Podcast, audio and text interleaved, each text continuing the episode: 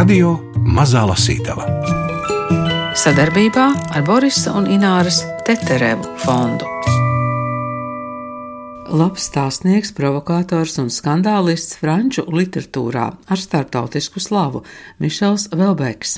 Viņš turpina rakstīt, un viņa jaunākais romāns esot visbiezākais un politiskākais. Tikmēr latviešu valodā tulkots un izdots romāns Serotonīns, iepriekšējais pakļaušanās, satricināja sabiedrību ar anti-utopiju par Parīzi, kur valda musulmaņi. Pakļaušanās piedzīvoja dažādas skatuves variācijas arī jaunajā Rīgas teātrī, bet uz kādas Berlīnas skatuves, piemēram, Marija Lepēna spēlēja melnādaina aktrise. Ironiska piespēle ironiskajam Velbekam. Pakļaušanās sakarā par Velbeka fenomenu jautājām franču literatūras speciālistei, filoloģijas doktorei Simonai Valkei. Šis rakstnieks ir viens no savas paudzes talantīgākajiem rakstniekiem, provokators, nenoliedzami. Viņam nāk līdzi islamofoba slāva, tāpēc, kad viņš pēc sava romāna platforma iznākšanas reiz intervijā izteicās, ka islāms ir viena no, atvainojos pēc dienas, stulbākajām reliģijām. Un šī iemesla dēļ tika ierosināta arī tiesas prāva. Un šī reputācija no tā laika viņam seko nemainīgi, bet rakstnieks ir neapšaubāmi talantīgs daudz par viņu tiek spriests gan literatūras zinātnieku vidū, gan arī viņš izraisa plašas diskusijas žurnālistikas aprindās. Rakstnieks, kura romāni jau daži tomēr ir tulkoti latviešu valodā, ir pazīstams arī internacionāli, ļoti plaši. Un par to nāks dzirdēt franču presē. No vienas puses pozitīvs atsauksmes, no otras puses nožēla, ka tas tēls, ko Velbeks rada par Franciju, ir visai negatīvs. Bet ļoti bieži tiek jaukta literārā, ja tā varētu izteikties, realitāte ar realitāti vienkāršo realitāti, tāda kā tā ir sociāla politiskajās aprindās. Un tāpēc šīs nu, nespējas novilkt robežu dēļ, ir veidojis tāds, manuprāt, tomēr nepatiesa uh, Velbeka tēls. Jo Velbeks savos darbos atstāja diezgan plašu interpretācijas lauku. Velbeks nepasaka realitāti, viņš pasaka to, ko mēs jūtam. Šīs iracionālās bailes, kas nevienmēr ir pamatotas, ko Francijā cilvēki izjūt un ko Latvijā. Nu, varbūt sāk izjust šīs iracionālās bailes, tad arī dominē netiešā veidā eh, Velbeka darbos. Bet šīs bailes, kā jau tam pienāks būt, viņas norimst, un tad varbūt rodas šis jautājums, varbūt tā arī būtu labāk. Un šī tā plašā interpretācijas telpa ar svārstīgo viedokli, varbūt tā, bet varbūt tā, konkrēta viedokļa neizteikšana, tas ir raksturīgs Velbekam. Velbeka romānus latviešu valodā tulkojas Denis Dimiņš, arī serotonīnu. Tātad eh, Mišela Velbeka grāmata Serotonīns. Jau tas vārks man šķiet mums atgādina iepriekšējās Velbeka grāmatas, un šī atkal ir par eh, Eiropas bojāju. Nu, šis ir Velbeka septītais romāns. Var teikt, cik viņš var rakstīt, kā, kā viņam neapnīk, vai ne? Nu, tas ir tipisks Velbeka romāns, šis, kurā ir tipiskais Velbeka varonis, proti šis 46 gadus vecais Florāns Klots, lauksaimniecības ministrijas darbinieks, kurš ir depresijā, kurš fantazē par jaunām meitenēm, kurš pīpē, kurš dzer, kurš iznīcina dūmu detektorus viesnīcās, jo viņš ir smēķētājs, viņš nevar iztikt bez pīpēšanas ne brīdi. Kurš nešķiro atkritumus, kurš mīl dzīvniekus. Jā, tātad viss šis te salikts tajā tēlā, tiešām kokteils. Tas ir viens tāds nogrieznis, kas atbilst kaut kādam noteiktam vīriešu tipam, noteiktā vecumā, noteiktā sabiedriskā slānī. Lidmašīna no Parīzes Orlī lidostas ielidoja laikā. Uzgaidāmā telpa bija patīkami atvēsināta un gandrīz pilnīgi tukša. Almerijas provincē turisms aizvien jūtamāk gāja pa burbuli. Kad elektroniskajā tablo iedegās uzraksts par lidmašīnas nosēšanos, es tik tikko nepiecēlos un neaizgāju uz mašīnu. Viņai nebija ne jausmas, kur es dzīvoju, viņa mani nekādi nespētu atrast. Bet es drīz vien atskārtu, kādu dienu man nāksies atgriezties Parīzē. Kaut vai tikai profesionāla apsvēruma dēļ, mans darbs lauksēmniecības ministrijā man riebās praktiski tikpat, cik mana Japāņu draudzene. Manā dzīvē tiešām bija sākusies melnā strīpa, ir ļaudis, kas padara sev galu niecīgāku likstu dēļ. Kā parasts, viņa bija nežēlīgi sakrāsojusies, slāņu slāņiem, kā ar apmetumu klāta.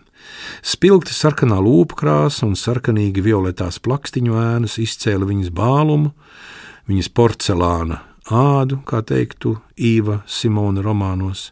Tūlīt atcerējos, ka viņa nekad nesauļojas, jo bāla āda, nu labi, porcelāna āda, Īva Simona vārdiem izsakoties, Japāniešu acīs ir smalkuma kalngals. Bet ko gan var darīt Spāņu jūras kurortā, ja atsakās sauļoties? Šī brīvdienu iecer patiešām bija absurda. Es nolēmu tajā pašā vakarā mainīt atpakaļceļa viesnīcu rezervācijas datumus, arī nedēļa būs par daudz. Kāpēc neietaupīt pāris dienas pavasarim, kad Kyoto ziedēs ķirši? Ar bruneti viss būtu savādāk pludmalē viņa bez nepatikas un bez nicinājuma būtu izģērbusies, kā tāda klausīga Izraēla meita. Viņai nebūtu ne silts, ne augsts par vācu pensionārīšu ļumīgajiem taukķermeņiem. Viņa zināja, ka tas ir sievietei lemtais, līdz nāks Kristus godībā. Viņa dāvātu saulei un vācu pensionāru onku skatieniem, kas nepalaistu garām nenieka, savu nevainojami apaļo pēcpusi, savu šķīsto, tomēr epilātu. Un tad mēs kādā garučas restorānā vakariņās uzēstu kaut ko garšīgu. Romantika un pornogrāfija vairs nebūtu divas atšķirīgas lietas. Radītāja žēlsirdība būtu atklājusies tik spēcīgi, īsi sakot, manas domas šaudījās uz visām pusēm. Tomēr es spēju atveidot ko līdzīgu apmierinātai sejas izteiksmei, kad ieraudzīju Judzu kas ienāca uzgaidāmajā telpā līdz ar blīvu austrāļu ceļotāju mugursomaiņu baru. Mēs ātri sabučojāmies. Nu, mūsu vaigi saskārās, bet tas jau bija par daudz. Viņa uzreiz apsēdās un izņēma kosmētisko maciņu. Tā saturs pilnībā atbilda visu aviolīniju diktētajiem rokas bagāžas noteikumiem un atsvaidzināja sejas pūderu kārtu, nepievērsdama ne mazāko uzmanību bagāžas lentei. Skaidri redzams, ka bagāžas stibīšana bija mans uzdevums. Es labi zināju, kā izskatās viņas koferis. Tas nebija nekāds parastais. Ražotājs bija slavens zīmols, ko esmu aizmirsis. Katrā ziņā ideja bija uz auduma imitēt renesanses laika geogrāfijas karti, kurā pasaule attēlot visai aptuveni, bet ar tādu vintāžas uzrakstu: Šiten vajag būt tīģeriem. Īsi sakot, šika ceļsoma. Ekskluzīvo iespaidu pasvītroja apstākļus, ka tā nebija aprīkota ar ritentiņiem, kā tāds vulgārs vidusšķirs Samsonite. Īsi sakot, to vajadzēja viens tibīt, uz mata kā tos elegantos Viktorijas laika dāmu čemodānus. Kā jau kura katra rietuma Eiropas zeme, arī Spānija bija iesaistījusies katastrofālajā ražīguma celšanas sacīkstē un pamazām tikusi vaļā no visiem nekvalificētajiem darbiem, kas kādreiz bija padarījuši dzīvi mazliet patīkamāku, tādējādi lemjot lielāko daļu iedzīvotāju masveida bezdarbam. Šādām ceļa somām viens pīpis vai uz tām ir šāds vai tāds uzraksts, šāda vai tāda zīme, bijusi kāda jēga tikai tad, ja sabiedrībā vēl bijis saglabājies nesēja amats. Acīm redzot, tas vairs nebija saglabājies, bet varbūt tomēr es pie sevis prātoju vienu pēc otras no slīdošās lentes, noceldams abas jūdzu bagāžas vienības, minēto koferi un gandrīz tikpat smagu ceļu somu, kopējais svars tām droši vien bija ap 40 kg. Nesējis biju es. Kā es teicu, Velbeks ir labs stāstītājs, ārkārtīgi aizraujoši un labi konstruētā sižeta uzbūve.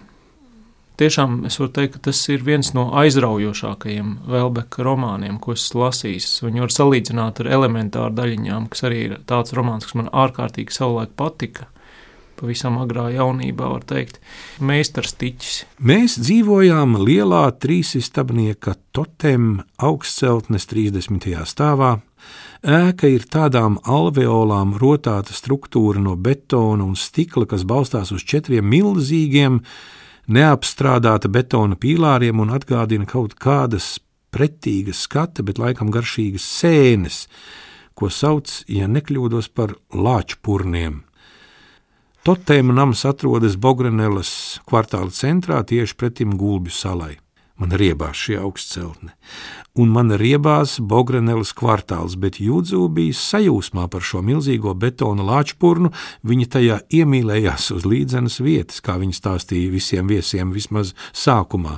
Var jau būt, ka viņi vēl aizvien kaut ko tādu stāsta, bet es jau labu laiku biju atteicies satikties ar viņas viesiem tieši pirms viņu ierašanās es ieslēdzos savā istabā un visu vakaru vairs laukā nenācu. Mēs jau vairākus mēnešus dzīvojam katrs savā istabā. Es atstāju viņai saimnieku guļamu istabu. Saimnieka guļamistaba ir līdzīga guļamistabai, bet ar iebūvētu garderobi un atsevišķu vannas istabu. Es to paskaidroju lasītājiem no zemākajiem sabiedrības slāņiem, bet pats ievācos draugu istabā. Es izmantoju tai blakus esošo sanitāro mezglu, ar ko manām vajadzībām pietika. Ātri iztīrīt zobus, nodušoties un lieta darīta. Mūsu attiecības bija nonākušas gala fāzē. Tās vairs nekas nespēja glābt, turklāt glābt nemaz nebija vēlams, lai arī jāatzīst, ka mums bija dots vismaz tas, ko parasti sauc par pasakainu skatu.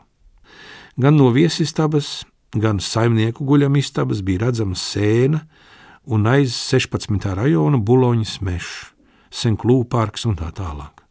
Labā laikā skatienam pavērās Versaļas pilsēta. Manas istabas logi izgāja uz Novotelu viesnīcu, kas atradās rokas stiepienā attālumā un aiz tās lielāko Parīzes daļu, bet šī ainava mani neinteresēja. Es visu laiku turēju dubultu aizkarus aizvilktus, un man riebās ne tikai Bogrenelas kvartāls, bet viss arī tā Parīze, šī pilsēta, kurā čumēja un muģēja ekoloģiski atbildīgi birģeri. Varbūt es arī pats biju birģeris, bet es nebiju ekoloģiski atbildīgs. Es braucu ar pilnpiedziņas dīzeli. Varbūt savā mūžā nebūšu paveicis neko nozīmīgu, bet vismaz būšu devis ieguldījumu mūsu planētas iznīcināšanā. Es sistemātiski sabotēju ēkas apsaimniekotāju ieviesto atkritumu šķirošanas sistēmu, metu tukšās vīna pudeles konteinerā, kas bija paredzēts papīram un kartonam, un pārtikas atkritumus stikla savākšanas kastē. Nedaudz lepojos ar to, ka man pilnīgi trūka pilsoniska apzinīguma, bet zemiskā kārtā jutos arī kā atriebies par nepieklājīgi augsto īri un apsaimniekošanas izdevumiem, kad bija samaksājis īri un visus komunālos, pārskaitījis judzu viņas ikmēneša pabalstu, ko viņa bija palūkusi, lai finansētu saimnieciskos izdevumus kas lielākoties nozīmē sushi pasūtījumus, biju iztērējis tieši 90% no mēneša algas. Īsi sakot, būdams pieaudzis cilvēks, es neko citu nedarīju, kā vien lēnām skrubināju no tēva saņemto mantojumu. Mans tēvs kaut ko tādu nav pelnījis, pilnīgi noteikti bija pienācis laiks darīt šai neiedzībai galu. Kopš pazinu Judzu, viņa strādāja Japānas kultūras centrā Branlī krastmalā, kādu puskilometru no mūsu mājas, tomēr brauca uz darbu ar riteni, savu stulbo holandiešu riteni, ko bija spiesta stūķēt iekšā liftā un pēc tam novietot viesistabā. Domāja, ka šo sinekūru viņai bija izklapatojuši vecāki. Īsti nezināja, ar ko viņi nodarbojas, bet viņi neapšaubāmi bija turīgi. Vienīgais bērns tādiem turīgiem vecākiem izauga par tādu kā Judzu, Vienalga kādā zemē, vienalga kādā kultūrā. Iespējams, nepasakaini bagāti, diez vai viņas tēvs ir Sony vai Toyota izpildirektors, drīzāk jau ierēdnis, augsta ranga ierēdnis. Viņa man skaidroja, ka esot pieņemta darbā atjaunot un modernizēt kultūras pasākumu programmu. Tā nevarēja lepoties ne ar ko īpašu, kad pirmo reizi apciemoja viņa darba vietā, paņēmu bukletiņu, no kura nāca nāvīga garlaicība origāmi, ikebānas un tenkoku nodarbības, kamišībai izrādes, džomonu bundzinieku uzstāšanās, lekcijas par go spēli un tējas ceremonijām, Ura Senkē skola, Otomo Senkē skola. Nedaudzie lūgtie viesi no Japānas bija dzīvie valsts dārgumi, bet nu tikko dzīvi, Lielākajai daļai bija vismaz 90 gadi. Viņas būtu pareizāk nosaukt par mirstošajiem valsts dārgumiem. Īsi sakot, viņai pietiktu sarīkot pāris mangu izstādes vai pāris festivālus par jaunajām tendencēm Japāņu porno un darba pienākumi būtu izpildīti. It was quite an easy job.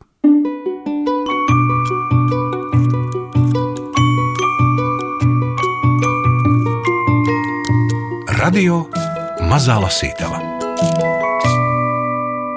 Nu, labi, ja romānā pakļaušanās Eiropu apdraudēja musulmaņi, tad kas šobrīd apdraud Velbeka serotonīnā? Nu, šeit ir arī vairākas lietas, kas viņu apdraud. Var teikt, šim romānam ir vairākas līnijas. Mēs varam runāt par sociāli kritisko līniju. Viņš aplūko visu mūsu sabiedrību, visu rietumu sabiedrību, kas ir savā ziņā pārsātinājusies pat ar sevi, kurai nav vērtības, kura nesaprot īsti, ko viņa dara, kura ir šie te it kā sabiedriskie uzstādījumi, imperatīvi, šķirosim atkritumus, būsim ekoloģiski pareizi domājoši, bet tāpat laikā mēs varam dzīvot arī nepareizi. Mēs varam būt pedofīli, vai mēs varam darīt vēl kaut ko tāds sabiedrības vērojams, novecošanas problēmas, vientulības problēmas. Tad ir, protams, lauksaimnieku liktenis kapitālismu apstākļos, ka īstenībā Francijas ražojumi nevienam nav vajadzīgi, ja viņas var izkonkurēt ar lētākiem Dienvidamerikas ražojumiem vai Spāņu ražojumiem, tad var laist visu šo franču lauksaimniecību par kanti. Tas ir viens no tā profesionālā līnija, kas ir. Jo lauksaimniecības ministrijas darbinieks raksta dienestu vēstules Eiropas lauksaimnieku sarunu vedējiem. Tur ir viss tā mēs un Brisele un globalizācija, tad viss šīs tēmas tur ir aptverts. Kaut kāds ainas, kas atgādina dzeltenās vestes, savā ziņā viņš ir tāds nu, vizionārs un diezgan maz seksa aprakstu atšķirībā no citiem no citiem viņa romāniem, bet ir šī romantiskās mīlestības līnija. Varētu izteikt spekulatīvu pieņēmumu, ka Velbeks varbūt mazliet noveco, un viņam varbūt tieši šis sekss vairs nav tik ļoti aktuāls. Gan tur ir dažas pornogrāfiskas ainas. Šī grāmata noteikti nav domāta bērniem, bet uh, vairāk ir tāds gandrīz, nu, var teikt, romantismu varonis, kurš kuram tiek uzstādīta diagnoze, viņš mirst no mīlestības. Jūs iedomājaties, tas tiešām ir kaut kāds verters. Velbeks un verters. Nu, grūti iedomāties, bet uh, tiešām ir jau jauns. Ja? Jā, ir 7. janvārī iznācis jauns romāns ar nosaukumu Aneantīr, kas nozīmē iznīcināt. Viņš ir biezākais Velbeka romāns, vairāk nekā 700 lapušu. Iedomājieties, šim romānam bija kaut kādas 300 lapušas, tātad tas ir divreiz biezāks. Un ir tāds spiegu romāns, politiski, mistiski, ezotēriskas līnijas tur ir, un ir kaut kādi mistiski uzraksti, kas parādās metro, Slavkrafta stilā, un ir arī tā līnija, kur galvenā varoņa tēvs pamazām sajūta prātā, kur viņš noveco, kur viņam sāks vajāšanas mānija. Kritiķi viņu uzskata par politiskāko Velbeka romānu, bet pagaidām kritikas atsauksmes ir diezgan remdenas. Viņi saka, ka viņš ir pārāk garš un pārāk garlaicīgs, bet tā kā es pats vēl neesmu paspējis izlasīt, tad es neizteikšos ne sīkāk tikai. Un tas ir tāds ķieģelis, kas prasīt tulkotājiem krietnu laiciņu. Tā Velbeka romāna tulkotājs no franču valodas Dens Dimiņš, serotonīnu izdevis Jāņa Rozes apgāds. Jaunais biezais un politiskais Mišela Velbeka romāns vēl gaida gan atsauksmes, gan recenzijas, gan tulkojums. Tā pirmais teikums esot šāds. Dažās pirmdienās, novembra beigās vai decembra sākumā, tev jau neesi precējies, ir sajūta, ka atrodies nāves gaitenī. Velbeka faniem atgādināsim, kāds viņš bija zīmējot islamiskās Parīzes ainu romānā Pakļaušanās ar intelektuāli Fransuā centrā. Starp citu, romāns ir par sadarbošanos un cik ātri mēs esam tai gatavi. Lasa Gunārs Sāboliņš. Tomēr jutos gandrīz līksmā omā, kad nākamajā rītā iesēdos metro un braucu uz faķi. Pēdējo dienu politiskie notikumi līdz Mirjamas aizbraukšanai man šķita kā slikts sapnis, kā kļūda, kas drīz vien tiks labota. Cik liels bija mans pārsteigums, kad nonācis Santeja ielā, pamanīju, ka vārti, pa kuriem var nonākt līdz mācību ēkām, ir cieši aizvērti. Sargi tos parasti atvēra jau bez ceturkšņa astoņos. Vairāki studenti, starp kuriem sazīmēja dažus no saviem otrkursniekiem, pacietīgi mīņājās pie ieejas. Tikai ap pusdeviņiem no galvenās sekretariāta ēkas iznāca kāds sargs, nostājās aiz vārtu restēm un paziņoja, ka fakultāte būs slēgta visu dienu un paliks slēgta līdz tālākam rīkojumam. Vairāk neko viņš nemācīja teikt. Mums bija jāatgriežas mājās, kur mēs saņemsim individuālus paziņojumus. Tas bija Lāga Melnais, senegālietis. Ja mani atmiņa neviļ, es viņu pazinu jau daudzus gadus. Viņš man patika. Viņš satvēra mani aiz rokas, kad grasījos doties prom, un pavēstīja, ka darbinieku vidū klīstot baumas, ka stāvoklis ir nopietns, patiešām nopietns, un būtu brīnums, ja faķi atvērtu jau pēc dažām nedēļām. Varbūt Marija Frančiskāzai kaut kas ir zināms. No rīta pa vairākiem lāgiem mēģināju viņu sazvanīt, bet nesekmīgi. Izmisumā ap vieniem ieslēdzu televizoru. Daudzi Nacionālās frontes rīkotās demonstrācijas dalībnieki jau bija ieradušies Konkordijas laukumā, Tilerī dārzos bija ļaužu kā bies. Pēc rīkotāju aplēsēm esot ieradušies divi miljoni dalībnieku, bet policija ziņoja, ka to skaits ir 300 tūkstoši. Lai cik arī būtu, es nekad nebiju redzējis tik milzīgu pūli. Virs Ziemeļparīzes no Svētās sirds bazilikas līdz operai karājās gubulietus mākonis, kas izskatījās pēc kalēja laktes. Tā tumšpelēkie sāni bija sodrei melni. Uzmetu acis televizora ekrānam, milzu pūlis turpināja pulcēties, piezēt, blīvēties. Tad atkal pavēros debesīs. Mākonis likās lēnām virzāmies uz dienvidiem. Ja tas pārplīsīs virs tilerija dārziem, ir iespēja, ka tas nopietni traucēs demonstrācijas norisei.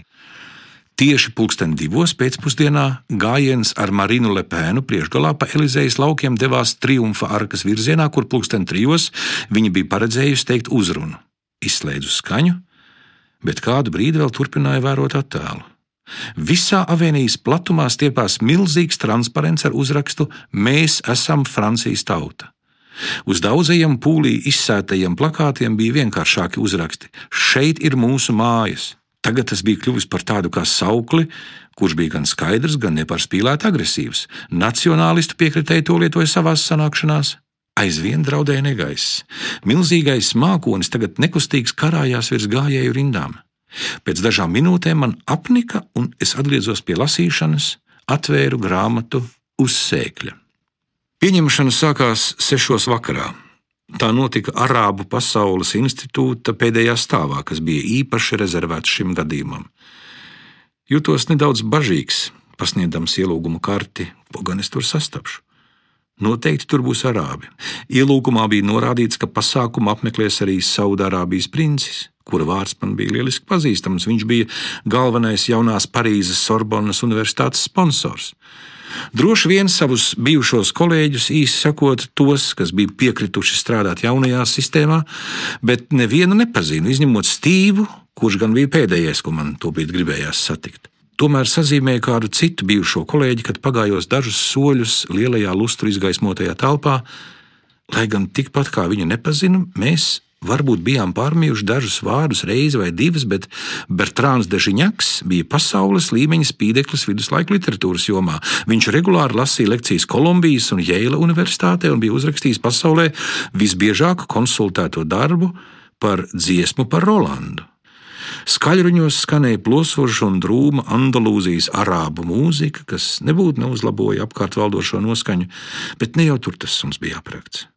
Kādas trīs ceturdaļas stundas nostaigājis viesu vidū, apēdis kādas desmit mezes un izdzēris četras glāzes sarkanvīna, pēkšņi sapratu, kas par lietu.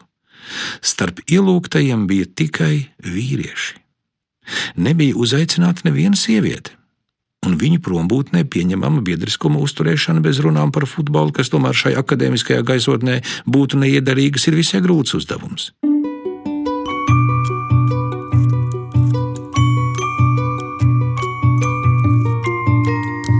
Radio Mazā Lasītava. Sadarbībā ar Borisa un Ināras Teterevu fondu.